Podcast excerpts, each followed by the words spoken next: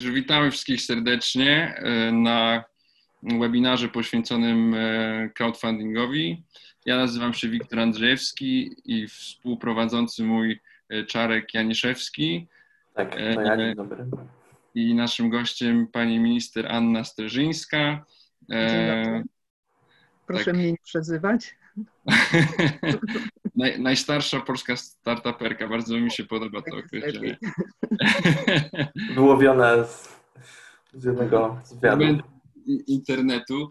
E, no w sumie to może jak już jesteśmy przy, tym, przy tych startupach i no jako, że jesteśmy kołem studenckim, no to wypadałoby najpierw zapytać o, o to, jak ta Pani kariera z biznesem się zaczęła i e, jakoś e, jak po prostu zapytam wprost. Y, kiedy założyła Pani pierwszą firmę? Jaka to była firma i mm, od czego to się wszystko zaczęło w ogóle ta przygoda z biznesem? Mhm. Y, okej, okay, to rzeczywiście chyba należałoby najpierw odczarować tę rzeczywistość, y, w której zazwyczaj ludzie mnie umieszczają kontekstowo bo e, w administracji bardzo łatwo osiągnąć pewnego rodzaju widoczność e, na rynku, widoczność publiczną i dlatego większość osób mnie kojarzy z administracją, czy to z ministerstwem, czy z Urzędem Komunikacji Elektronicznej. Tymczasem ja większość jednak życia spędziłam w biznesie. Pierwszą swoją firmę, ale to była jednoosobowa działalność gospodarcza, założyłam w 2001 roku. E, I później e, prowadziłam ją na zmianę właśnie z aktywnościami publicznymi, czyli w tym w 2001 roku e, firma funkcjonowała przez 4 lata do 2005. Poszłam wtedy właśnie do UKE. W 2012 roku stamtąd wyszłam i kolejna moja firma pracowała do 2015 roku do końca. Jak poszłam do ministerstwa, to ją zamknęłam. I później w 2018 roku już nie wracałam do działalności gospodarczej jednoosobowej, tylko założyłam z moim wspólnikiem spółkę, a potem jeszcze dwie, które działają też w jednej grupie kapitałowej i to już są spółki. W tych latach 2015-2018 to prowadząc swoją firmę też prowadziłam dwie cudze firmy jako prezes zarządu i tam budowałam sieci telekomunikacyjne, bo akurat taka była pora wtedy, że trzeba było internet szerokopasmowy budować, taki, takie sieci yy, wojewódzkie. I w dwóch sieciach poproszono mnie o poprowadzenie tego biznesu, no bo po prostu się zwyczajnie na tym znałam więc tego biznesu prowadziłam w życiu bardzo dużo i cudzego, i swojego, i ten swój też był zróżnicowany. Jednoosobowy i teraz spółki, w których mam 20 pracowników. Mm, I stąd e, właśnie ta, jakby też ta biznesowa moja działalność to nie jest nic nowego. E, no, no tak, ale to... Pani początki z właśnie, jakby przechodząc bardziej do crowdfundingu, jeśli chodzi o pomysł teraz na działalność, którą Pani rozwija i też e, jak to właśnie wyglądało? Dopytując. Przede wszystkim jak e, wyrzucili mnie z Ministerstwa Cyfryzacji, to e, wiadomo, każdy, kto dostał jakąś poważną porażkę zaliczył, to próbuje jakoś bardzo szybko stanąć na nogi i pokazać, że to nie jest tak, że się do niczego nie nadaje, tylko powiedzmy względy były różne, dla których musieliśmy to ministerstwo opuścić. Założyliśmy spółkę, wiedząc dokładnie, co chcemy robić, bo w ministerstwie też zajmowaliśmy się cały czas IT. Ja tam ściągnęłam 60 osób z biznesu i to takich naprawdę z najwyższych globalnych pozycji. I myśmy w 14 osób wyszli z tego ministerstwa z postanowieniem, że zakładamy działalność gospodarczą wspólnie.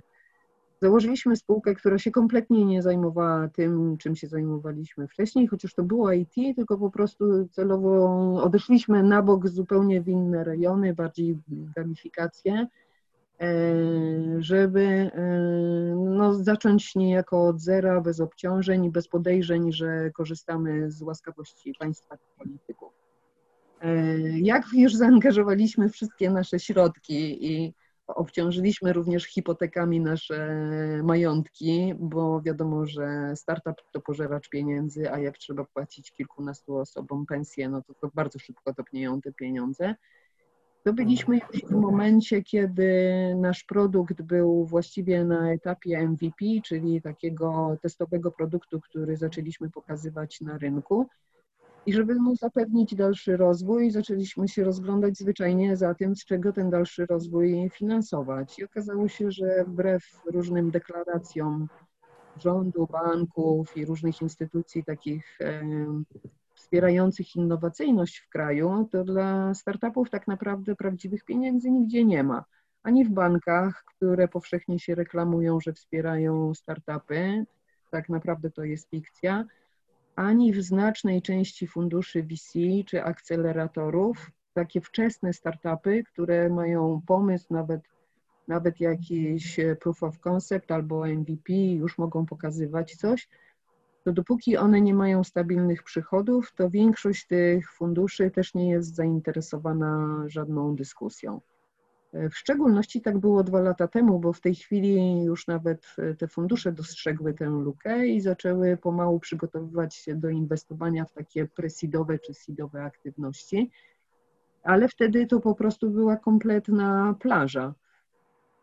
I e, wiele lat wcześniej zetknęłam się z ideą crowdfundingu jeszcze jako sposobu finansowania różnych aktywności społecznych, nie tylko tych związanych z biznesem, ale także takich zupełnie prospołecznych, czy związanych z jakimiś aktywnościami takimi quasi politycznymi. E, no i zaczęłam to sprawdzać. Wiedziałam, że jeden z moich dobrych kolegów z czasów, kiedy angażowałam się w Fundacji Republikańskiej, gdzieś coś w tej sprawie robi. Sprawdziłam to, okazało się, że jego platforma crowdfundingowa działa i ma się świetnie i e, oferuje jakby pełną obsługę tego procesu, bo ja na ten moment to wiedziałam jako prawnik, że jest taka instytucja i jak ona mniej więcej działa, ale w życiu bym nie potrafiła jej przeprowadzić. U niego znalazłam całe wsparcie tego procesu który nie ukrywam, no wtedy był bardzo mocno oparty na zaufaniu ludzi do mnie jako do osoby, bo e, firma miała kilka miesięcy, to nie było do czego mieć zaufanie. To po prostu e, można było postawić na szale tylko własne dobre imię i zobaczyć, czy ono jeszcze w społeczeństwie rezonuje i czy ludzie pomysł, który im się przedstawi, uznają za fajny i godzien poparcia. No i tak się stało. Znaczy to właśnie ciekawa, ciekawa, bo też definicja startupu jest bardzo płynna, prawda? No bo w, też w przypadku pani, pani firmy, no jakby mając już taką dość mocno rozbudowaną sieć kontaktów, mm, no i teraz też, też czytałem, że jednak e, pewne no te y, y, y, projekty, które MC Square Innovations, jeżeli dobrze mówię, tak się nazywa spółka, tak. prowadzi z, z Orlenem, czy też z, z grupą e, Energa, no to, to jakby to się trochę wymyka poza definicję takiego startupu, który, którą większość ludzi kojarzy z jakimś takim garażowym, studenckim projektem typu, nie wiem, Facebook czy, czy Apple. Mhm. Spodziewałam się tego pytania, ale je odczaruję, niestety, i będziecie gorzko zawiedzeni. E, po pierwsze, w ogóle nie Orlen i nie Energa. Jedyny podmiot, który z nami współpracuje, to je, nazywa się Tauron Polska Energia. E, a doszło do tego w ten sposób, że poszliśmy jako jedna ze spółek do akceleratora, który zajmuje się e, właśnie sektorem energetyki. I e, moi koledzy przedstawili tam pomysł na, e, dotyczący elektromobilności, na rozliczenia e, pojazdów elektrycznych. Ponieważ w akceleratorze była profesjonalna komisja oceniająca, która się zajmowała całe życie energetyką, nazwa MC Square Innovations nic im nie mówiła, projekt im się spodobał, zaakceptowali. No schody się właśnie zaczęły tam, gdzie wy byście się spodziewali moich kontaktów. Bo e, kiedy zarząd się dowiedział, że za tą nazwą stoję ja, to naprawdę e, umowa nasza, chociaż już podpisana, stanęła na e, absolutnie skraju brzytwy. I musieliśmy przypomnieć, że wystartowaliśmy na zupełnie normalnych regułach razem ze wszystkimi innymi, e, że ta umowa została zawarta w oparciu o wynik pracy niezależnej zupełnie komisji, która oceniała sam projekt, a nie e, nazwiska, które z tyłu za nią stały. I że wręcz nawet e, podjęcie tej współpracy ze mną, gdyby ona nastąpiła na takich zasadach, jakich się można było spodziewać, że wynikały one z kontaktów, e, to by po prostu nie nastąpiło, dlatego że na tamten etap w 2018 roku, kiedy ja wyszłam z administracji, to podjęcie współpracy z nami byłoby bardzo dużym ryzykiem. I nie po to przecież mnie wyrzucali, żeby podejmować e, współpracę natychmiast z, z ministrem, który im po prostu nie pasował do tej, do tej karuzeli. E, no, paradoksalnie niestety, chociaż może trudno w to uwierzyć, po pierwsze my mm, nigdy nie składaliśmy dokumentacji w żadnych przetargach w rządowych, ani w spółkach Skarbu Państwa. E, I po drugie, e, nie wiem, czy chociaż z jedną osobą z tamtych czasów mam teraz kontakt przez te dwa lata. Jak się wylatuje z polityki, to jeżeli się nie jest osobą e, zaangażowaną partyjnie, to się wylatuje, można powiedzieć, trochę tak na zawsze. Czyli w takiej trochę, z takim trochę odium, że to jest człowiek, który zawiódł, nie sprawdził się, nie chciał być naszym towarzyszem broni, nie chciał na wszystko się zgadzać, miał swoje zdanie, pokazywał jej, manifestował, czy znaczy nie gadamy już z tą panią po prostu. I tak to wyglądało i ja się w ogóle na to zresztą nie skarżę, dlatego że ja lubię, kiedy moje sukcesy wynikają wyłącznie z mojej pracy, a nie z jakiejś e, cudzych, e, cudzej pomocy. Niezależnie od tego, czy to jest pomoc polityków, czy to jest pomoc e, jakichś innych kontaktów, nawet biznesowych, to po prostu lepiej się czuję, jak to jest sytuacja absolutnie czysta. I tak samo jak każdy inny startup, przez te dwa lata przyszło mi przeżyć tak głębokie zanurzenia, że wierzcie mi, że jak zwalniałam 14 osób z mojego 20-osobowego zespołu, gdzie z tych 14 osób 10 to byli moi przyjaciele, to naprawdę płakałam, ale nie miałam w ogóle za co ich utrzymać. Po prostu jak każdy startup przechodziłam przez tą sinusoidę zanurzeń i wynurzeń, że chwilami były zlecenia, były pieniądze, a potem nagle była katastrofa, bo jeden z klientów na przykład nie zapłacił nam pieniędzy, które, co spowodowało, że musiałam obciążyć swoje mieszkanie hipoteką. I to były najszybsze pieniądze, jakie w życiu wydałam. One o godzinie 12 wpłynęły na moje prywatne konto, e, bo były hipoteką mojego mieszkania, a 15 minut później zostały przeze mnie przelane na konto spółki i spółka zapłaciła wynagrodzenia pracownikom. Było po pieniądzach, teraz będę je przez 20 lat spłacać. I to tak wygląda. I każdy startupowiec powie, znam to, bo to jest właśnie ta e, gorsza część e, startupu. A ta lepsza to jest oczywiście to, że się ma całą masę frajdy zrobienia czegoś po raz pierwszy, zrobienia czegoś, co się lubi i zrobienia, i nawet pokonywania tych wszystkich przeszkód się ma ogromną frajdę, bo jeżeli e, na koniec tego dołka się człowiek podnosi, to za każdym miesiącem mówi już coraz bardziej, coraz bliżej do chwili, kiedy będziemy stabilni bo znowu pokonaliśmy kolejną przeszkodę i kolejny dołek. Także tak to wyglądało i, y, i częściowo też dlatego sięgnęłam po y, tak zwane pieniądze, czyli finansowanie tłumu, y, czyli po crowdfunding, ponieważ to były dla startupu takiego jak my jedyne dostępne pieniądze. Gdybyśmy mogli iść do zaprzyjaźnionego banku, bo przecież mieliśmy tyle kontaktów. W Ministerstwie Cyfryzacji to banki przecież były u mnie stale, bo zrobiliśmy przecież e, profil zaufany przez banki. To tam się wszystkie banki Polski przewinęły przez mój gabinet, żeby ten profil e, u siebie zrobić. Co z tego? To nie jest tak, banki nie finansują startupów i ja nie byłam żadnym wyjątkiem. To samo jest z klientami. Gdyby klienci nas finansowali, nie musielibyśmy sięgać po crowdfunding. Ale w którymś momencie człowiek patrzy na to wszystko i mówi, ze wszystkich tych narzędzi, które są teoretyczne na rynku, VC, CVC, e, kredyty, tak naprawdę pewne jest to, że można zarazić swoją, e, swoim pomysłem i swoim entuzjazmem inwestorów, mniejszych, większych, ale inwestorów, którzy rozumieją zmianę, którą proponujemy, którzy się cieszą tym, że w jakiejś dziedzinie powstanie jakaś innowacja. I to jest jedyny e, pewnik w biznesie. I naj... właśnie... No, no. E, chciałem zapytać, czy a propos, bo mówiła Pani trochę o problemach płynnościowych, to czy mhm. myśli Pani, że teraz ta sytuacja aktualna e, związana z pandemią koronawirusa, która no między innymi jakby bardzo uderza oczywiście w, ogólnie w podmioty gospodarcze pod kątem płynności, czy ona się przełoży mhm. właśnie na przykład na zainteresowanie crowdfundingiem, żeby w celu pozyskania jakichś dodatkowych środków?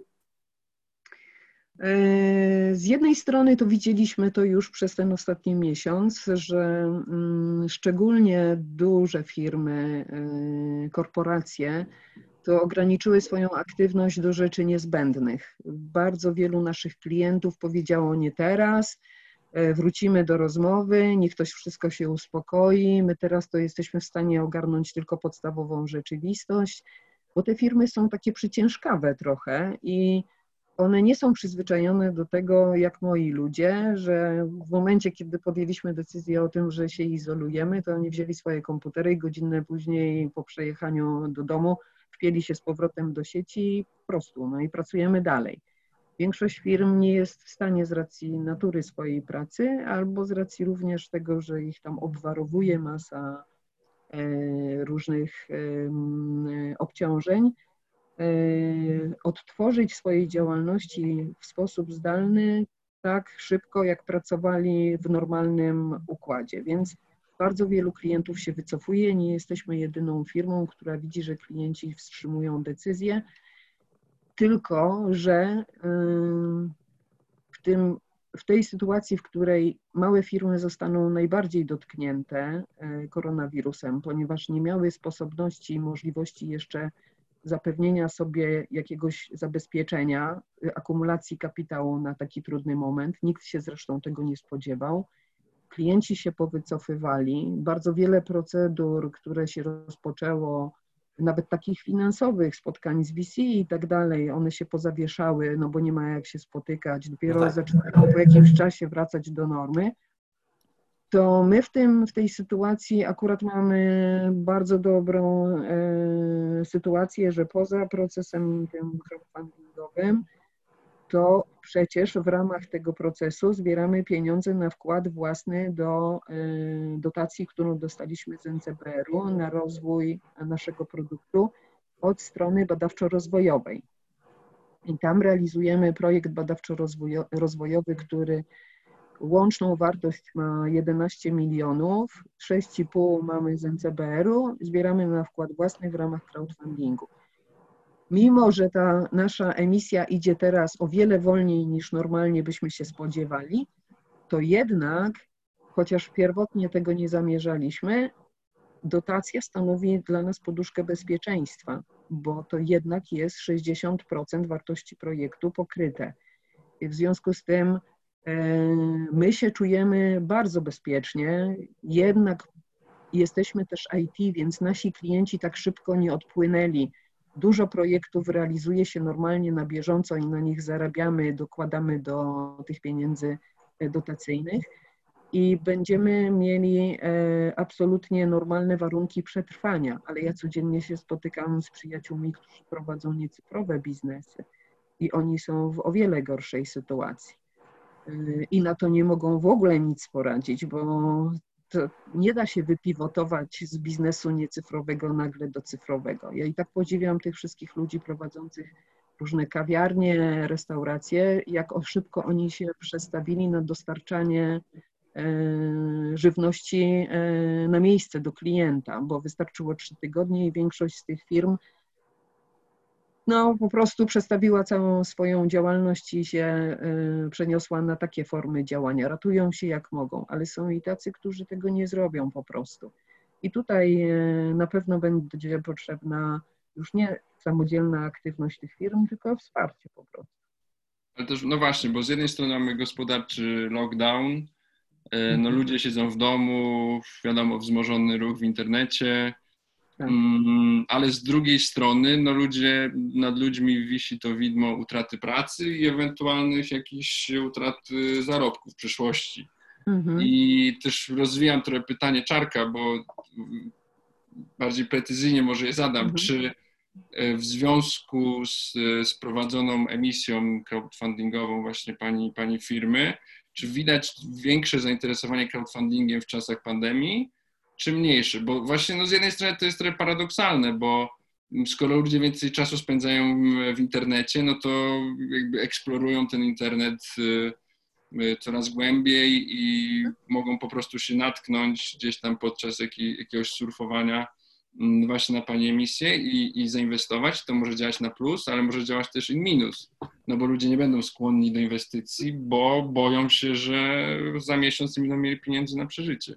Tak, i tak e, szczególnie w tym pierwszym okresie, bo my prowadzimy emisję od 10 marca, to w zasadzie można powiedzieć, że pierwsze trzy tygodnie to były właśnie takim okresem, kiedy każdy się trzymał za kieszeń i mówił e, żadnych inwestycji, żadnych zbędnych wydatków, bo nie wiem, co będzie dalej. Nie wiadomo, jak długo to potrwa.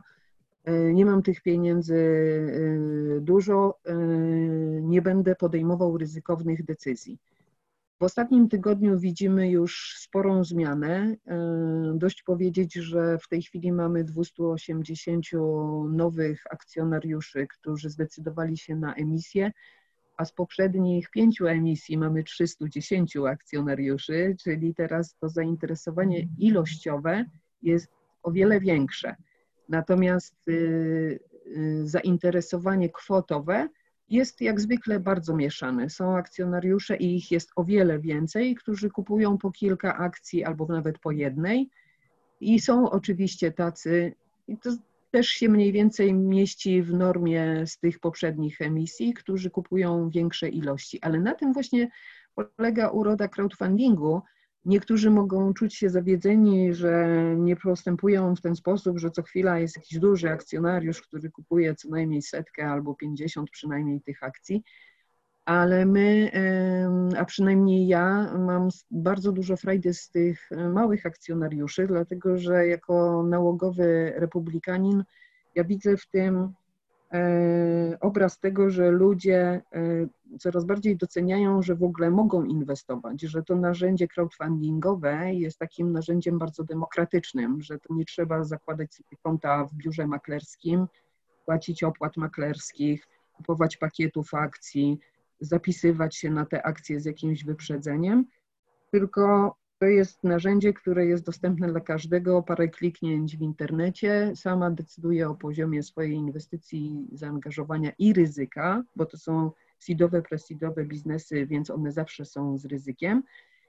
E, Ale mogę posmakować trochę tego e, inwestowania i trochę się nawet na takich małych kawałkach nauczyć, bo raz, drugi można popełnić nawet jakiś błąd, ale on nie będzie taki kosztowny, ale przy okazji się nauczę w tym świecie funkcjonować. Przy okazji tej firmie zadam parę pytań i zobaczę, jak e, ona tłumaczy swoje różne decyzje. I ten, ten świat inwestycji po prostu przestaje być e, zaczarowany. A dla większości społeczeństwa, no w moim wieku, jakby mi ktoś powiedział, jak miałam 20 lat, że będę inwestorem, bo ja też oczywiście inwestuję w inne spółki na platformach crowdfundingowych. E, Jakby ktoś mi powiedział, że to będzie dostępne, to bym zapytała w ogóle o czym mówi, bo byłam, na, byłam tak kompletnie zielona. Teraz no to e, wśród naszych akcjonariuszy są osoby, które naprawdę są mocno srebrne na głowie i one się cieszą z tego, że mogą e, uczestniczyć w tym, co postrzegają jako symbol właśnie tego wolnego życia, tego, co się stało ich udziałem może trochę później niż, niż waszym na przykład, ale jednak się stało ich udziałem. I e, w tym sensie Teraz mamy pewnego rodzaju odbicie. Nie chcę przesądzać. Zobaczymy, jak będzie dalej się toczyła ta emisja, bo jeszcze na pewno przed nami nie jedna zła nowina z obszaru zdrowia niejedna zła nowina z obszaru gospodarki. To, co się wydarzyło, trudno, trudno w tej chwili do końca ocenić. No ale też widzimy, że ludzie się trochę już zaczynają buntować, że mówią, że już dosyć, że już chcą wrócić do normalności, że chcą pracować nad swoją przyszłością, że chcą zachować e, wszystkie te swoje jakieś prawa do e, aktywności, które do tej, z których do tej pory korzystali. No i to chyba też spowodowało, że te dwa ostatnie dni były takie bardzo owocne. Przyłączyło się do nas bardzo dużo osób i w ciągu dwóch dni ponad 250 tysięcy wpłynęło na to konto crowdfundingowe. A jak już jesteśmy właśnie, bo zaczęła Pani mówić tutaj o, o zaletach crowdfundingu z perspektywy inwestora, czyli że można zainwestować z, praktycznie z każdego miejsca na ziemi, mając komputer do dyspozycji i internet, bo to w zasadzie jest podstawą, konto bankowe. E, no to ja chciałem się zapytać, jak wygląda później mm, życie takiego akcjonariusza, jakie on ma prawa, jakie ma obowiązki, E, czy to jest faktycznie wtedy jesteśmy takimi pełnoprawnymi właścicielami tej, tej spółki, czy to jest trochę takie z przymrużeniem oka? E, wiadomo, że jesteśmy właścicielami w takiej e, ilości, w jakiej tych akcji mamy. No w tej chwili w naszej spółce nikt nie ma większości, bo również my jako ci założyciele, ja i Arek Szczebiot, też już mamy w tej chwili takie ilości akcji, gdzie sami, żadne z nas samo nie może podejmować decyzji, możemy podejmować je wspólnie. Akcjonariat rozproszony w tej chwili po zakończeniu tej emisji to będzie prawie 30% akcji, więc już całkiem spora siła po stronie akcjonariuszy rozproszonych, ale również przez to, że oni są rozproszeni i te 30 czy 40 osób mogłoby stworzyć jakąś przeciwwagę E, do nas i e, mają większe ilości akcji, to zdecydowanie bardziej nam e, zależy na tym, żeby współpracować z akcjonariuszami. Zrobiliśmy dla nich specjalną platformę, na której oni widzą swoje akcje w postaci tokenów. No, jesteśmy firmą blockchainową, więc też w ten sposób im obrazujemy ich uprawnienia komunikują się tam z nami, my ich informujemy o wszystkich wydarzeniach, informujemy ich też w taki sposób, który jest przepisany prawem, czyli na naszej stronie internetowej głównej i y, w postaci korespondencji mailowej regularnie, jak tylko się coś w spółce wydarzy, to natychmiast y, powiadomienia mailowe wychodzą. Ale podstawowym uprawnieniem akcjonariusza jest po pierwsze prawo do uczestnictwa w walnych zgromadzeniach, czyli podejmowania wspólnych decyzji, no, demokratycznych jak w każdym biznesie, czyli wynikających z ilości udziałów czy akcji. I e, drugie uprawnienie to jest prawo do dywidendy, wtedy kiedy ona zostanie e, w ogóle przyznana. Została Póki co dopiero zakończyliśmy pierwszy rok obrotowy, więc o dywidendzie mowy nawet być nie może, ale e, od początku tej pierwszej emisji i w tej drugiej również mówiliśmy o pierwszej dywidendzie za 2020-2021 roku. No i oczywiście nasi akcjonariusze też mogą mieć bardzo różne chęci. Jedni mogą chcieć dostać dywidendę, inni mogą chcieć się w ogóle wycofać z inwestycji i chcieć sprzedać akcje. Inni mogą uważać, i tak jest bardzo często, że firma na tym etapie nie powinna wypłacać dywidendy, tylko powinna wszystkie pieniądze inwestować we wzrost. Y, zobaczcie, że w ostatnim roku to nawet takie firmy jak mBank nie wypłaciły dywidendy, tylko zainwestowały podobnie, y, ponownie we wzrost y, decyzją swoich akcjonariuszy, oczywiście akcjonariuszy głównych, bo to zwykle oni przeważają szale, ale mimo wszystko na etapie wzrostowym to te decyzje mają największy sens. My jesteśmy z naszymi akcjonariuszami w stałym kontakcie i słuchamy tego, co oni mówią, dlatego że crowdfunding wiąże się też ze specyficznym rodzajem zaufania. My nie możemy pozwolić sobie na ignorowanie tego, co akcjonariusze do nas mówią i jakie mają e, wobec nas oczekiwania, dlatego że drugi raz nam po prostu nikt nie zaufa.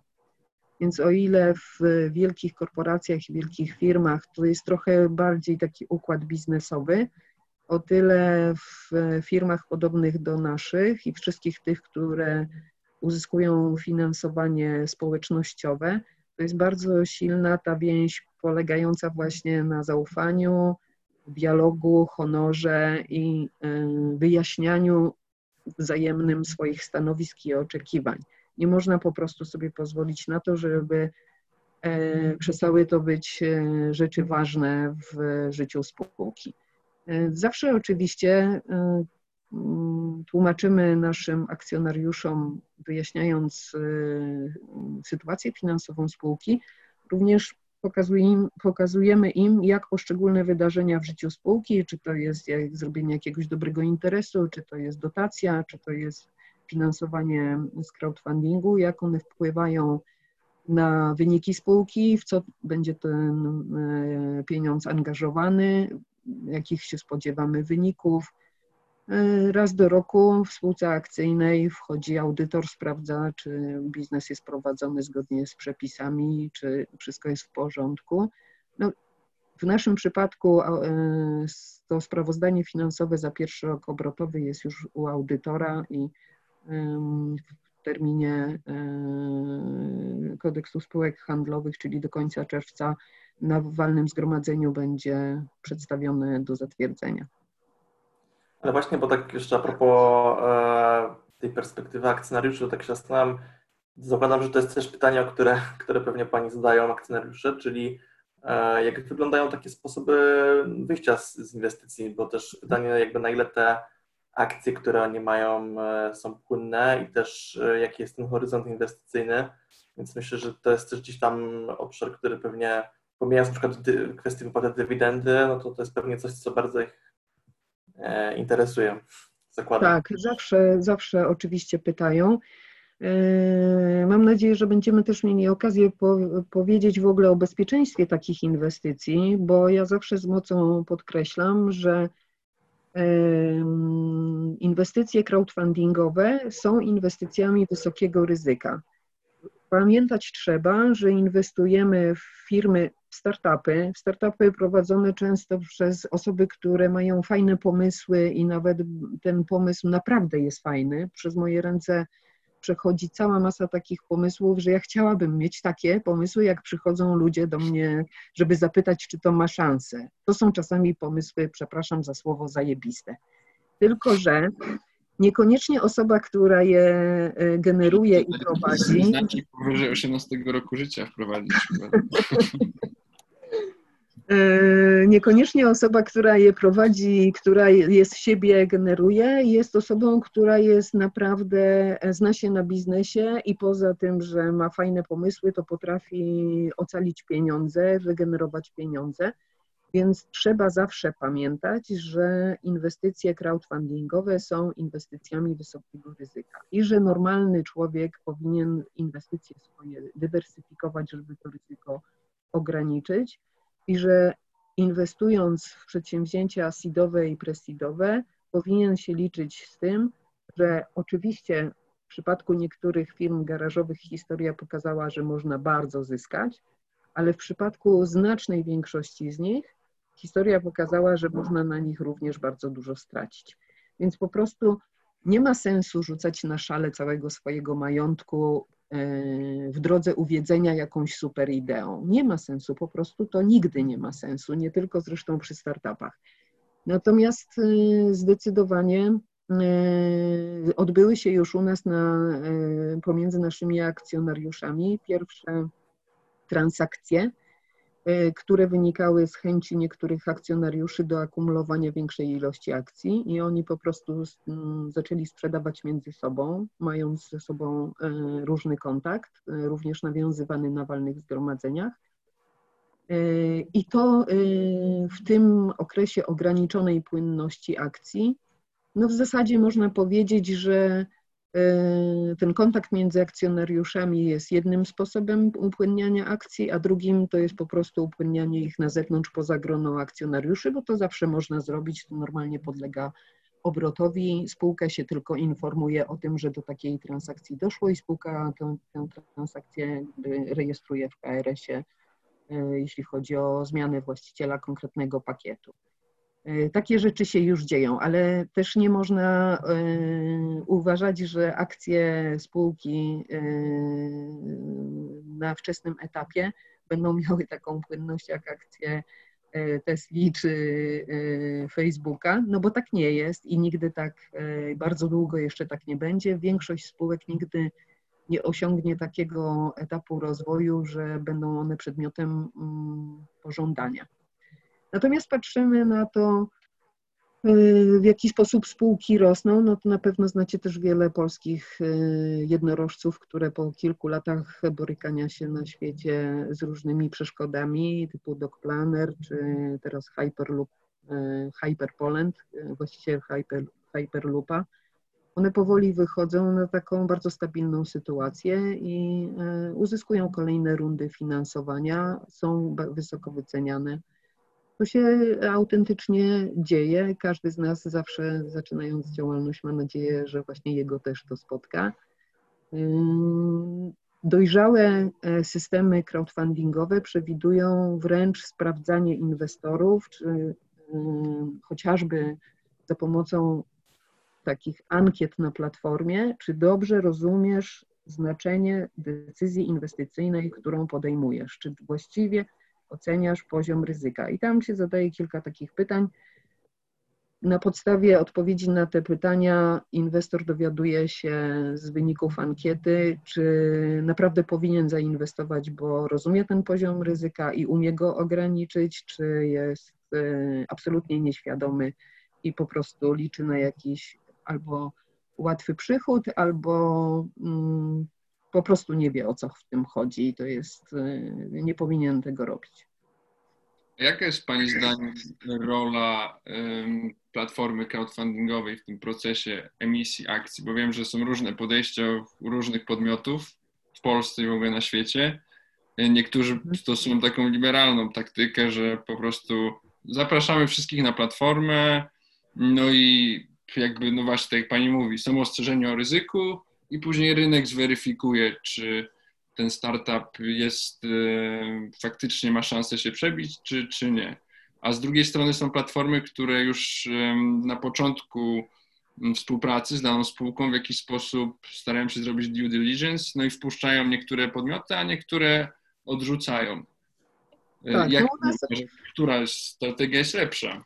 W Polsce akurat y, rynek jest dość silnie regulowany y, i nie tylko, na początku to w ogóle był regulowany trochę tak ex, post, y, ex ante, czyli jak ktoś się decydował na finansowanie na platformie crowdfundingowej, to na pewien czas przed musiał zgłosić swoją, swój dokument emisyjny do KNF-u i KNF miał tam określony termin na wyrażenie sprzeciwu. Jeżeli nie wyraził tego sprzeciwu do określonego czasu, no to się rozumiało, że jest ok, może iść. Teraz to jest trochę taka kontrola ex post, ale ona jest za to znacznie bardziej dokładna, szczegółowa i taka monitorująca każdy krok emitenta. Więc w tym sensie system prawa to zapewnia dostatecznie moim zdaniem poważny nadzór. Platformy same w sobie też mają bardzo dużą rolę w tym nadzorze, ponieważ po pierwsze, y, z tego co wiem, to każda z nich, większość y, emitentów jednak y, odtrąca, jeżeli widzi, że albo są nieprzygotowani, albo pomysł jest, powiedziałabym, taki raczej denty ale również na etapie przygotowywania całej dokumentacji ofertowej, e, tej emisyjnej, też e, ta dokumentacja, po pierwsze wkraczają prawnicy platformy, dokumentacja musi być według bardzo ścisłych reguł przygotowana, musi zawierać bardzo konkretne informacje. E, i to jest cały czas właściwie przechodzenie przez takie sito, gdzie wynik ostateczny no nie jest na początku zdeterminowany, że na pewno na koniec jednak na tej platformie tę emisję uruchomię, bo prawnicy muszą też mieć pewność e, co do tego, czy e, całe przedsięwzięcie jest biznesowym przedsięwzięciem o oczywiście wysokim stopniu ryzyka, czy jest w ogóle jakąś fantasmagorią i w ogóle jakimś pomysłem księżycowym, kosmicznym.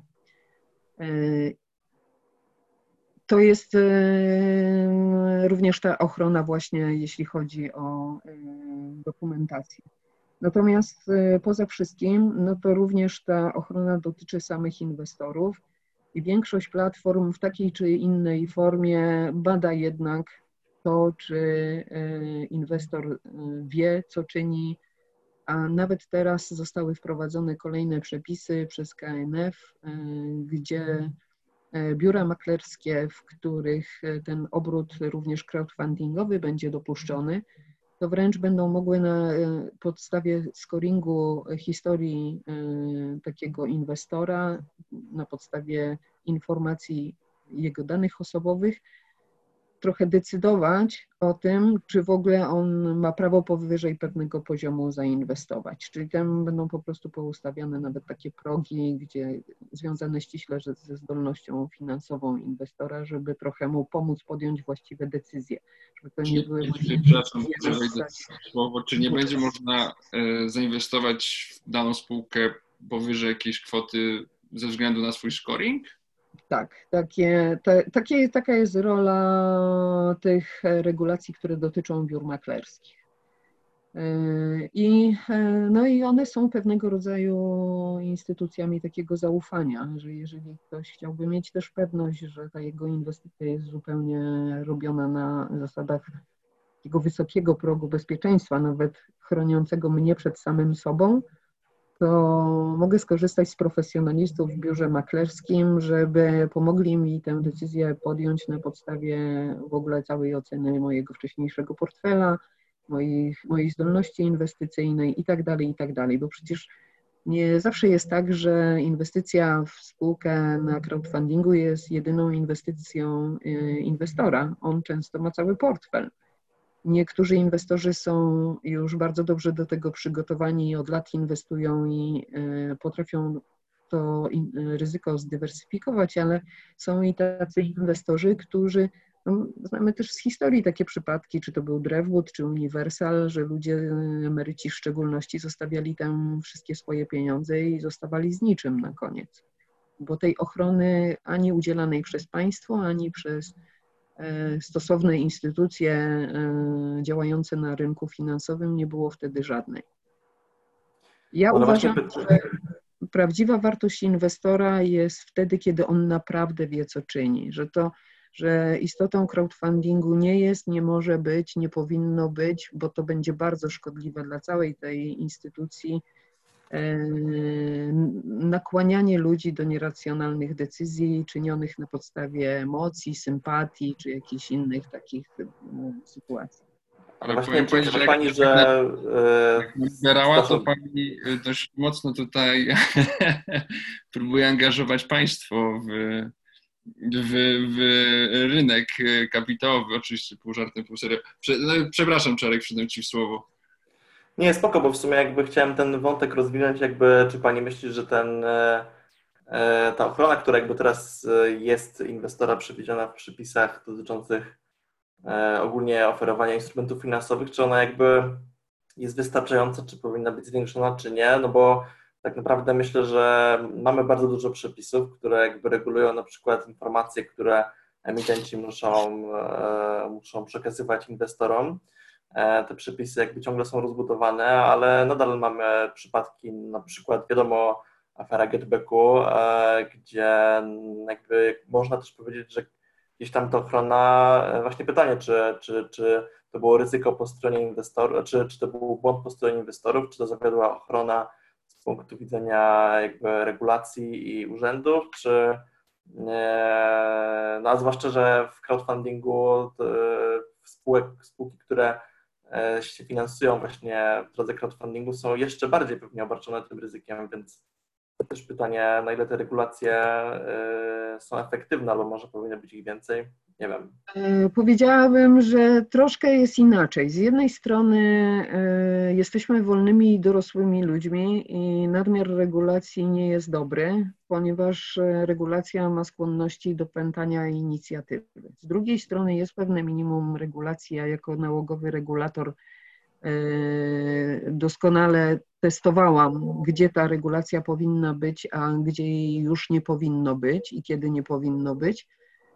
E, co przemawia za tym, że nie zawsze taki rodzaj regulacji, jaki jest stosowany, czy taka ilość regulacji jest dobra dla rozwoju niektórych instytucji i dla rozwoju nas samych. U nas nasze organy mają dużą skłonność do chronienia nas samych przed nas, nas, nami samymi. Uważają, właściwie można powiedzieć, że regulatorzy dają bardzo często taki sygnał, za głupi jesteś, żeby samo sobie decydować. W związku z tym my Ciebie ochronimy przed Tobą samym, żebyś sobie nie zrobił krzywdy. To w przypadku Getbacku, czy w ogóle takich instytucji, które są, które stwarzają pozór, że są czymś innym niż w istocie rzeczy, to my mamy zwyczajnie e, do czynienia z wprowadzaniem w błąd i oszustwem. A w crowdfundingu to można powiedzieć, że założenie jest takie, że to są inwestycje wysokiego ryzyka i jeżeli się to jasno komunikuje, to nikt nie ma wrażenia, że inwestuje w pewny złoty interes, że będzie miał takie przebicie, które jest w ogóle gdzieś gwarantowane przez jakichś wszystkich świętych i nie wiadomo co, że tylko może na tym zyskać, a nie stracić.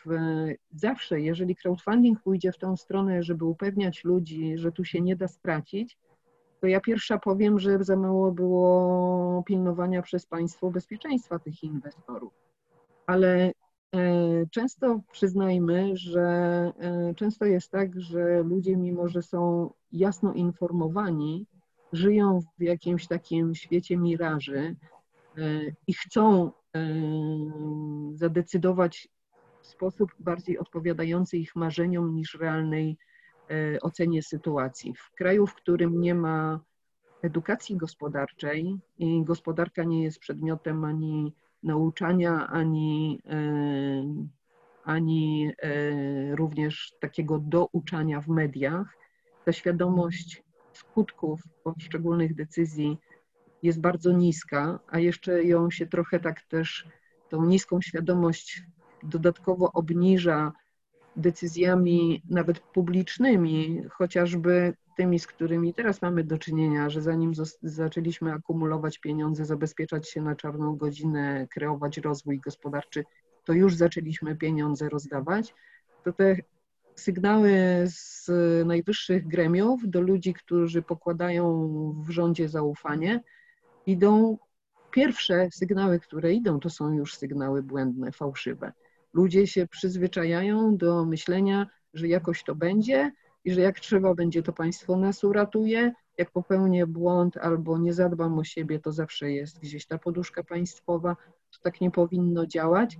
Ja uważam, że crowdfunding, jak jest uczciwie prowadzony, to prowadzi wyłącznie do edukacji, nauki, przećwiczenia pewnych mechanizmów, które później umożliwiają niektórym, którzy chcą zaawansowane inwestowanie czy zaawansowaną wiedzę rynkową o tym, w co warto wchodzić, w co nie warto, jak się zabezpieczyć, jak się ubezpieczyć na przyszłość i tak dalej. Bo po prostu kreują pewnego rodzaju myślenie o finansach, o pieniądzach, o moim, o moim bezpieczeństwie ekonomicznym.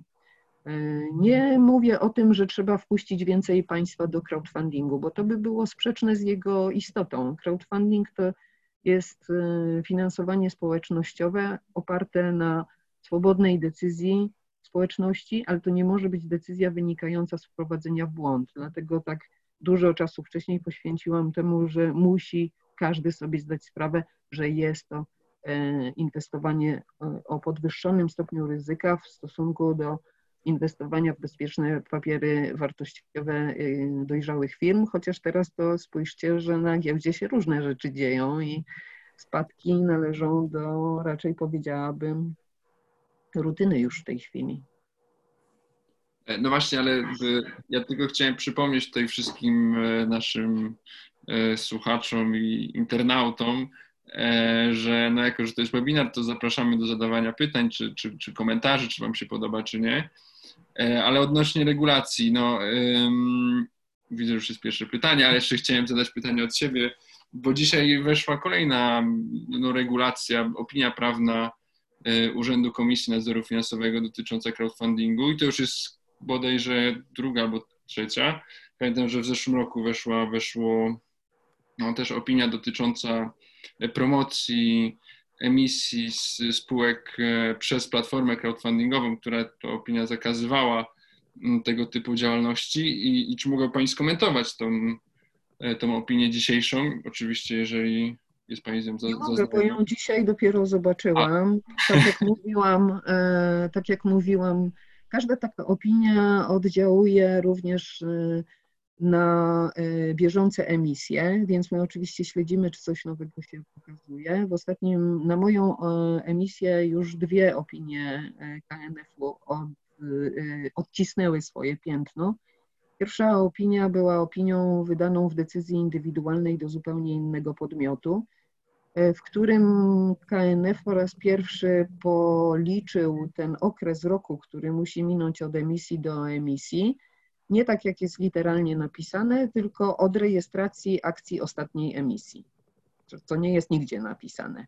I napisał to w jednej z decyzji administracyjnych, więc blady strach padł na wszystkich emitentów, którzy właśnie myśleli, że już ten rok im bezpiecznie minął. Między zakończeniem emisji a rejestracją akcji czasem potrafi minąć nawet trzy miesiące, bo nasz KRS jest taki dosyć mało wydolny i dużo czasu jemu to za zabiera, żeby rejestracji dokonać. Więc jak wszyscy sobie tam liczyli do innego terminu, nagle się okazało, że jest inny, to u nas się poślizgnęła nasza emisja od razu o 15 dni. Musieliśmy ją przesunąć, bo właśnie też liczyliśmy inaczej niż KNF, o czym KNF zapomniał wcześniej wszystkich poinformować. Drugi raz to właśnie dzisiejsza decyzja, dzisiejsze stanowisko KNF-u, w którym KNF mówi, że nie wolno E, dzielić emisji na odcinki 30-dniowe e, i e, robić tak zwanego odliczania, czyli kończy się czas emisji, kto chce jeszcze zainwestować, niech zainwestuje. E, a potem się decyduje o przedłużeniu na następne 30, na następne 30 dni, dlatego że to jest wprowadzanie klienta w błąd i powodowanie, że klient działa emocjonalnie, podejmując decyzje w tych ostatnich dniach, e, rzekomych ostatnich dniach o zainwestowaniu. I akurat w tym przypadku, w odróżnieniu od tego pierwszego, gdzie uważam, że KNF nie miał racji, to w tym przypadku, który dzisiaj zapadł, to akurat ja się w całości zgadzam. To odliczanie zawsze działa, bo to jest ten mechanizm psychologiczny, który powoduje, że człowiek widzi odjeżdżający pociąg i koniecznie chce do niego wskoczyć. A ja uważam, że nie powinno się w ten sposób podgrzewać atmosfery. I w naszej emisji też próbowałam e, od początku sygnalizować, że my się nastawiamy, szczególnie jeszcze w obliczu koronawirusa, że jak trzeba będzie, to te 90 dni w całości wyczerpiemy, bo nie, byli, nie można mieć teraz pewności, ile e, potrwa emisja, emisja do sukcesu. I mi to dzisiejsze stanowisko w tej części zupełnie nie przeszkadza. Natomiast e, zobaczyłam stanowisko już po południu i co tam jeszcze się kryje, to oczywiście nie wiem. Też proszę nie traktować mnie jak alfy i omegi, jeśli chodzi o wiedzę o samym porządku prawnym w crowdfundingu bo ja tu jestem tego porządku klientem, nie dysponentem ani nie specjalistą. Ja mogę Państwu powiedzieć o swoich doświadczeniach i o tym, co myślę o różnych wydarzeniach, ale nie mogę e, jako e, wypowiadać się jako specjalista czy autorytet w tych dziedzinach. Po prostu jestem emitentem. Drugi raz. Może przeczytamy pytanie od pana Pawła, e, który pyta się o możliwość dopuszczenia spółek e, z, z ograniczoną odpowiedzialnością do crowdfundingu. E, czy, czy takie spółki powinny być dopuszczone? KNF dziś twierdzi, że nie, a niektóre platformy mimo to to robią. I też jeszcze pytuję o prostą spółkę akcyjną, która miała też się pojawić, ale jak wiadomo, prosta spółka akcyjna wejdzie e, prawdopodobnie za rok. Tak, prosta spółka akcyjna wejdzie za rok. No, e, co do tej prostej spółki akcyjnej, to też e, nie jestem może najlepszą osobą do tego, żeby się na jej temat wypowiadać, bo jestem prawnikiem wychowanym w dosyć tradycyjnym porządku prawnym i kodeks spółek handlowych dla mnie poza literą prawa ma pewnego rodzaju takie zasady związane z wiarygodnością instytucji, poszczególnych spółek, których się nie powinno łamać, a prosta spółka akcyjna dopuszcza pewnego rodzaju takie niezwykle duże uproszczenia w prowadzeniu działalności spółkowej które mogą spowodować, że utracone zostanie zaufanie do całego tego systemu y, spółek handlowych, spółek prawa handlowego. I mam tu bardzo mieszane uczucia, czy, może, czy powinno się było tak bardzo schodzić z wymagań. Ten wymóg spółek y, y, na przykład zoologicznych, czyli spółek z ograniczoną odpowiedzialnością, który przewidywał te 5 tysięcy złotych jako wkład minimum, to wydawało mi się, że już naprawdę jest niski, że ktoś nie ma 5 tysięcy złotych, to lepiej, żeby tej swojej działalności po prostu w ogóle nie podejmował, żeby jednak poszukał kogoś, z kim razem to poprowadzi.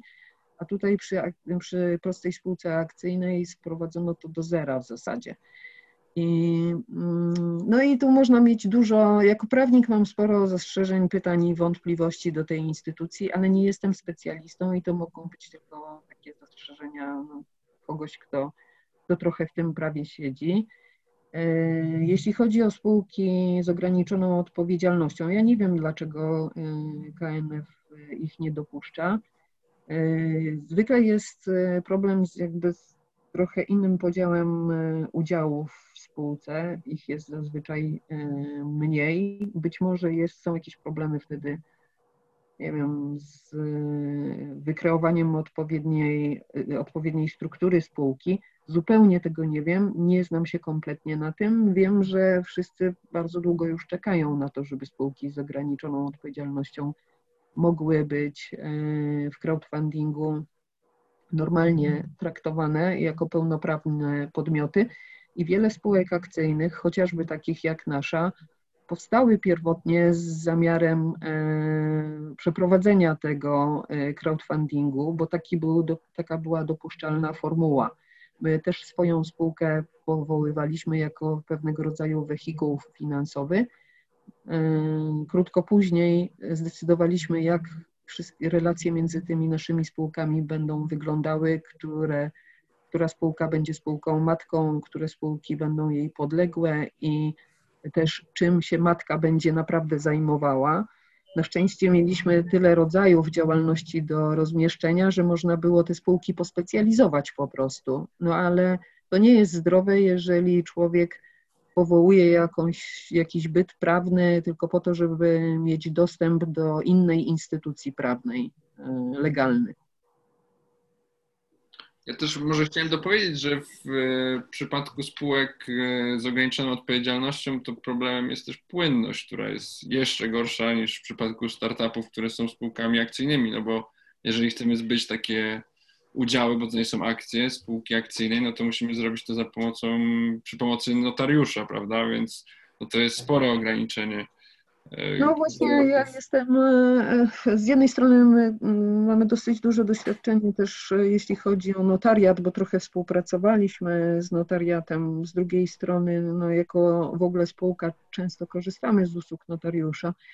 To trochę jest taka zaczarowana dziedzina, że ludziom się wydaje, że e, wstępują prawie że przed ołtarz Boga, ponieważ notariusze no, są tymi Y, osobami zaufania publicznego to jest zawód reglamentowany, jest cennik i tak dalej, to usługi też nie są tanie.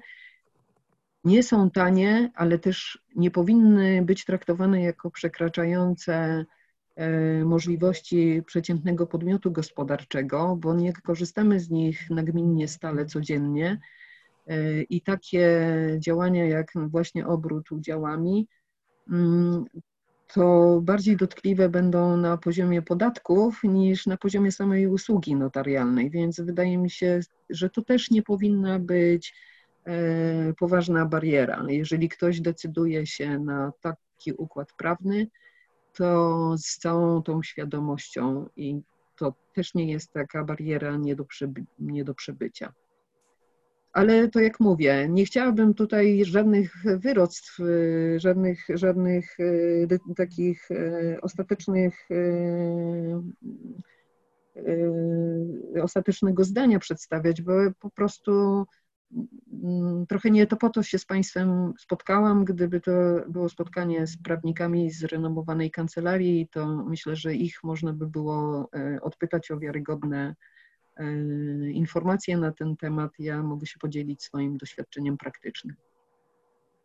Kolejne pytanie jest też praktyczne, a w zasadzie dotyczy bardziej, bardziej ekonomiczne pytanie niż prawnicze. Pan Sebastian się pyta, czy e, uważa Pani, pytanie eksperta do eksperta, e, czy uważa Pani, że w zaistniałej sytuacji dojdzie do wzrostu wyceny startupów e, z różnorodnymi pomysłami usprawniającymi telekomunikację? No, te firmy skazane na sukces to zdecydowanie jest telekomunikacja, IT, zdrowie, e, edukacja, e-commerce, bo w tej chwili myślę i zresztą trochę jak się zaczęła ta pandemia, to e, wszyscy byliśmy na tyle spanikowani, że każdy się rzucił do dostępnych informacji. E, ja sobie sprawdziłam, czym się poprzednia pandemia, też SARS, tylko poprzedniej generacji, skończył w Chinach. E, które na szczęście tamtą pandemię sobie, pandemię, epidemię zamknęły sobie w swoich granicach, ale rynek im naprawdę bardzo mocno się obsunął. E, zasadniczo po pół roku powstała cała masa nowych biznesów e, opartych o technologię contactless, a zatem również cashless, cashless i paperless ale w szczególności contactless, czyli generalnie takie łańcuchy dostaw, które pozwalają na bezkontaktowe dostarczanie, czy to jest żywność, czy to są inne towary, wszelkiego rodzaju usługi cyfryzacyjne i w edukacji, i w biznesie, i w, na rynku pracy, i w e, dziedzinach związanych z e-commerce'em i e, w szczególności w medycynie, bo to się teraz okazało e, największą piętą achillesową wtedy, kiedy lekarze są skoncentrowani na e, samej epidemii, a przecież cała reszta ludzi nie przestaje nagle potrzebować pomocy lekarskiej w zupełnie innych schorzeniach. I e, to i ryzyko, i odpływ lekarzy do innych zadań powodują, że ludzie są trochę pozostawieni z innymi chorobami sami sobie, podczas gdy bardzo dużo tych rutynowych czynności lekarskich mogłoby być załatwianych w tele i wideomedycynie. Więc tu będzie rozkwit i w wielu takich dziedzinach, które są związane z tym contactless biznesem, będzie rozkwit. To będzie dotyczyło także rozkwitu biznesów lokalnych opartych na internecie rzeczy, na funkcjonowaniu miast, dostarczaniu usług użyteczności publicznej. To wystarczy wyjrzeć za okno i zobaczyć, jak w tej chwili można powiedzieć, że załatwiamy wszystko bez konieczności kontaktu z drugim człowiekiem, no ja mieszkam w tej chwili na wsi, to powiedziałabym, że e, skrzynką elektroniczną staje się puszka po herbacie, w której zostawiam e, pieniądze e, tutejszym śmieciarzom czy panu, który wywozi szambo. Ale to tak naprawdę nie o to chodzi, prawda? Gdyby ten pan miał serwis swój i konto, to ja bym mu po prostu płaciła te pieniądze normalnie online i nie musielibyśmy rozmawiać. On całą swoją usługę wykonuje wtedy bezkontaktowo. To się zacznie dziać, nawet na takim mikro poziomie, że on się scyfryzuje, żeby nie musieć się z nami stykać, to tym bardziej się scyfryzują wielkie biznesy. Telekomunikacja, no to widzimy. No ja mam światłowód, ale nawet ten światłowód już ledwo dyszy. Tyle osób się teraz podłączyło na urządzeniach końcowych, że one są niewydolne. Sieci nie były zbudowane na takie permanentne permanentne, gigantyczne obciążenie. I z całą pewnością tam już mądre głowy siedzą i się zastanawiają nad nowymi telekomunikacyjnymi biznesami i jak to po prostu zmonetyzować to e, zwiększone zainteresowanie. Może przejdziemy do kolejnego pytania, bo się pojawiają jakieś kolejne wątki, a nie, nie chcemy, e, chcemy jakoś się wyrobić e, czasowo, więc pani e, Julia pyta, e, pisze tak, że Bisfund to obecnie jedna z najpopularniejszych platform na rynku polskim. Jak Pani jako obserwator może stwierdzić, czy polscy inwestorzy będą chętniej brać udział w takich platformach, czy będą one zyskowne? No tutaj na temat zyskowności nie mogę się wypowiadać, jeśli chodzi o zyskowność samej platformy, bo po prostu nie jestem udziałowcem żadnej. E, natomiast e, no jak patrzę na ilość e, inwestorów stałych na platformie, platforma Bisfant akurat chyba nawet się chwali na swojej stronie internetowej, na swojej platformie, jak duży poziom inwestycji przeszedł przez nią i jak dużo inwestorów ma charakter stały, inwestujących w wiele różnych biznesów na platformie, no to można powiedzieć, że w coraz większym stopniu możemy porównywać e, te platformy e, z rynkiem uconnectowym, a nawet mam wrażenie chwilami, że platformy crowdfundingowe, jeśli chodzi o poziom zainteresowania, zaczynają wygrywać. Może właśnie przez tą powszechność dostępu, przez to, że są takie łatwe w dostępie i że nie stawiają tych barier ilościowych, może również przez to, że są bardzo urozmaicone, jeśli chodzi o rodzaj interesów, które tam e, się promują i próbują znaleźć finansowanie. Ja również przyglądam się platformom poza krajem e, i widzę, że to są biznesy ze wszystkich stron po prostu rynku, z wszystkich sektorów. Oczywiście w większej e, ilości to są firmy startupowe, czasami jednak poszukują dofinansowania firmy z absolutną historią, z dużą, tradycyjną historią o stabilnej sytuacji, tylko potrzebują na przykład finansowania na sfinansowanie jakiejś działalności dodatkowej albo jakiegoś fajnego nowego pomysłu, albo właśnie szukają wkładu własnego do jakiegoś e, projektu badawczo-naukowego, które e, pozyskały. I e, do wyboru do koloru e, dla każdego inwestora, który ma e, przecież różne zainteresowania, widzę, że bardzo dużym zainteresowaniem cieszy się rynek taki, tego, co najbardziej codziennie nam jest potrzebne, czyli żywności i alkoholu. I w szczególności w browary, producenci wódek, to cieszą się niesłabnącym zainteresowaniem.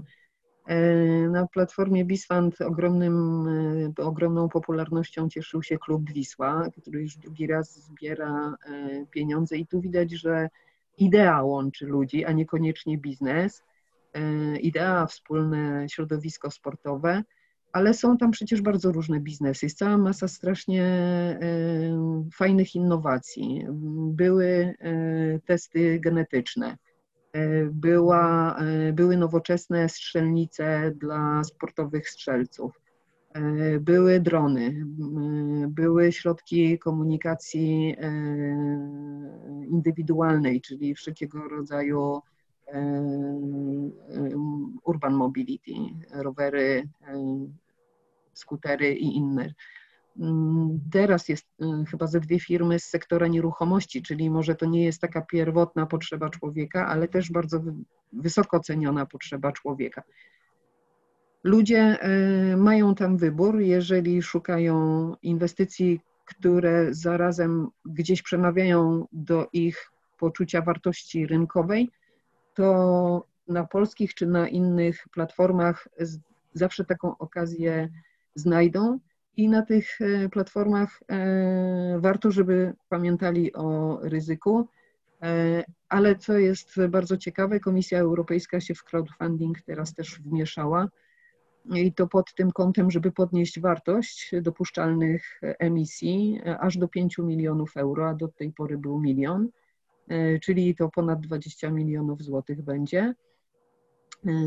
I e, u nas się to raczej jest tendencja ograniczająca, w e, Unii Europejskiej raczej tendencja rozwijająca, e, włącznie z przepisem, który będzie umożliwiał platformom krajowym działalność na obszarze całego unijnego rynku, czyli też w pewnym sensie tworzenie warunków rozwoju do tych, dla tych samych platform, a nie tylko dla samych emitentów.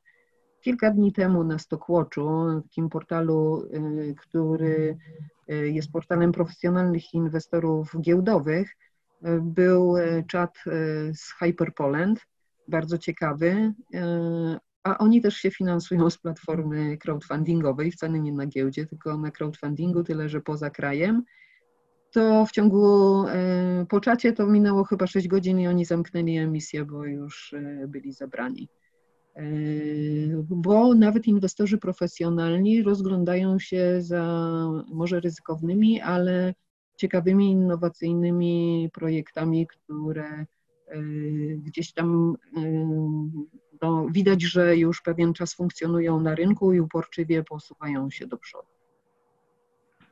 Jeszcze chciałem dopowiedzieć do tutaj tego pytania odnośnie, odnośnie wycen tych, tych platform, bo mi się przypomniała taka anegdotka, jak e, prezes Bisfandu Arkadiusz Regiet zawsze na, na pytanie odnośnie ile warta jest ta platforma, ile warty jest ten biznes, odpowiadał e, ja pobieram prowizję 7%, przemnóż, przemnóż to sobie razy zebraną kwotę, którą masz na stronie i masz odpowiedź. Także tak pół, pół żartem, pół serio odpowiadam. E, ale teraz chciałem jeszcze się cofnąć, bo, bo mówiła Pani o tym, że inwestowała Pani sama w startupy i chciałem się zapytać, w jakie startupy Pani zainwestowała, bo to mnie też zaciekawiło. E, w zasadzie można powiedzieć, że w znaczną część tych, które albo równolegle z nami, kiedy my prowadziliśmy pierwszą emisję, albo później, kiedy już e, po prostu przekonałam się co do znaczenia tych inwestycji, funkcjonowały na platformie. Bo ja nie e, inwestowałam, przyznam szczerze, że nie inwestowałam w celach e, biznesowo-spekulacyjnych, e, tylko wiedziałam dobrze, jak ważne jest w pierwszych dniach dla każdego z nowych emitentów, żeby inwestorzy okazali im zainteresowanie, żeby ich emisja została dostrzeżona. Więc moje emisje zawsze były względnie symboliczne, ale były właśnie takie obliczone na to, żeby stary e, trzymaj się, daj z siebie wszystko w swojej emisji. E, to zainteresowanie jest. Ja patrzę na Twój biznes, jeżeli uważam za sensowny, to też Ci trochę pomogę, po prostu, żeby wesprzeć ten biznes, bo crowdfunding trzeba pamiętać, że ma też ten swój taki cień, że bardzo wiele osób inwestuje po to, żeby wesprzeć fajny pomysł, że one się nawet nie spodziewają przychodu, bo załóżmy, że jeżeli ktoś kupuje, nie wiem, 10 akcji, to nawet jeżeli będzie super dywidenda, no to przecież on z tego nie zbuduje sobie domu, ani nie będzie królem świata na podstawie tych 10 akcji. A jednak bardzo wiele osób inwestuje właśnie takie ilości pieniędzy, które są właściwie trochę takim, takim wsparciem, takim powiedzeniem, będzie dobrze, nie poddawaj się, masz pomysł świetny, mm, zasługuje na wsparcie, wiemy, że jest trudno, ale w miarę swoich możliwości e, możemy Ci pomóc. E, I e, ci więksi inwestorzy, no to oczywiście oni inwestują bardziej z, taką, z takim zamiarem odniesienia sukcesu biznesowego, ale popatrzmy, ile jest tych drobnych którzy oczywiście chętnie zobaczą, że ta inwestycja nie była nietrafiona, ale nie spodziewają się, że nagle z 30 zł zrobi się 300 albo z, ze 166 16 tysięcy. Bo wiadomo, że dywidendy nigdy takie nie są. Ale nie, nie rzuciła Pani nazwami, a to by było... Nie rzuciłam, ale no, no chociażby ogen.pl to była właśnie ta platforma y, badań genetycznych. Pora na pola, która teraz drugi raz y, zbiera. Fajne chłopaki, które mają y, no, biznes ogrodniczy, krótko mówiąc, dostarczają ekologiczną, świeżą żywność. E, strzelam, więc inwestowałam też w strzelnictwo, o którym wspominałam, i tak dalej, i tak dalej, i w rowery. No po prostu ci, którzy inwestowali blisko mnie, to ja nawet e, po prostu w sercu czułam pewnego rodzaju ten ich ból, który wynika z tych początków, gdzie człowiek się zastanawia, jak mu to pójdzie, ile ludzi e, go zahejtuje. To jest najgorsze, że cała masa ludzi po prostu w sposób absolutnie platoniczny drugiemu da popalić, e, chociaż w ogóle nie jest zainteresowana przedsięwzięciem, ale naprawdę dowala do pieca. Więc żeby trochę też i obniżyć ten poziom emocji, to no starałam się tam zawsze pokazać, że trzymam z nimi i że po prostu tam za nich kciuki zwyczajnie trzymam. To ważny jest czasami nawet gest, a nie jakaś, jakiś wielki, poważny wysiłek.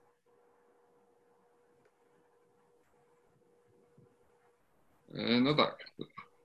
Czarek, no, zachęcam jeszcze do zadawania pytań, jeśli, jeśli ktoś ma. Ja tu widzę, że jeszcze Pan Paweł dopowiedział a propos tego wątku, który był poruszany wcześniej dotyczącego spółki ZO, że E, generalnie jest przepis w kodeksie spółek handlowych dotyczący tego, że e, na udziały w spółce ZO nie mogą być wystawiane dokumenty na okaziciela, dokumenty imienne lub na zlecenie i z tego względu tutaj Pan Paweł e, pisze, że właśnie wydawanie tokenów na udziały w związku z taką emisją crowdfundingową może być sprzeczne z tym przepisem, który też jest penalizowany przez odpowiedni przepis w KSH.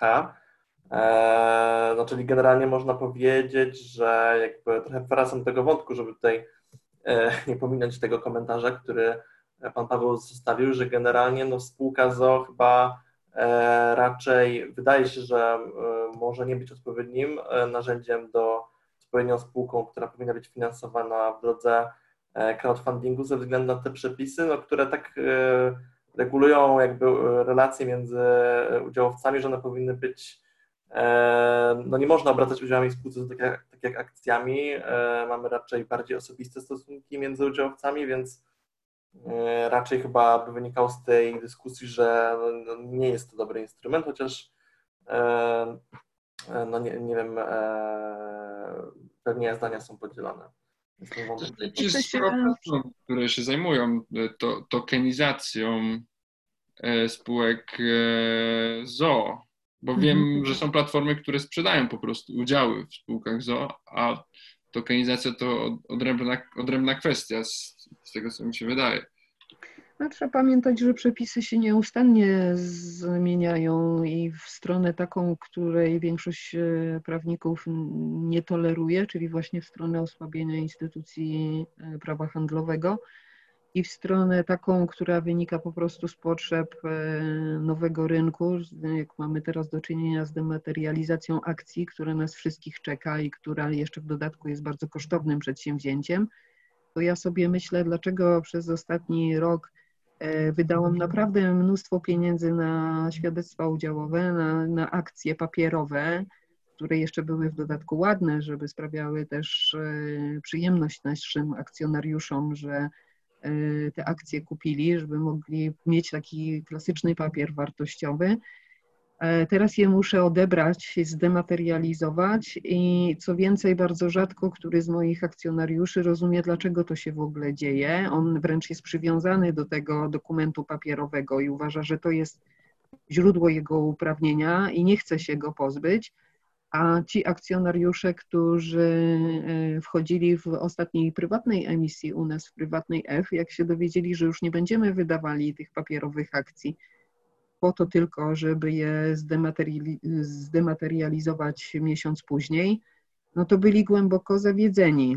Tym niemniej takie są trendy, więc myślę, że i w obszarze spółek e, zoologicznych może się wiele zmienić i prawnie, i praktycznie. Zobaczymy, w którą stronę te instytucje pójdą. Ja po prostu nie chciałabym tu być żadnym prorokiem, ale myślę, że, że będzie się wiele zmieniało jeszcze. Też ciekawą zmianą jest możliwość przeprowadzenia walnego zgromadzenia e, w oparciu o łańcuch e, blockchainowy, prawda? To na pewno tutaj podejrzewałbym Pani spółkę o, o jak, pierwszą, która przeprowadzi takie walne zgromadzenie. Będziemy, obawiam się, musieli, bo już mamy 600 akcjonariuszy, to za chwilę, jeszcze przed końcem emisji spodziewam się, że przekroczymy tysiąc i to będzie jedyna rozsądna opcja.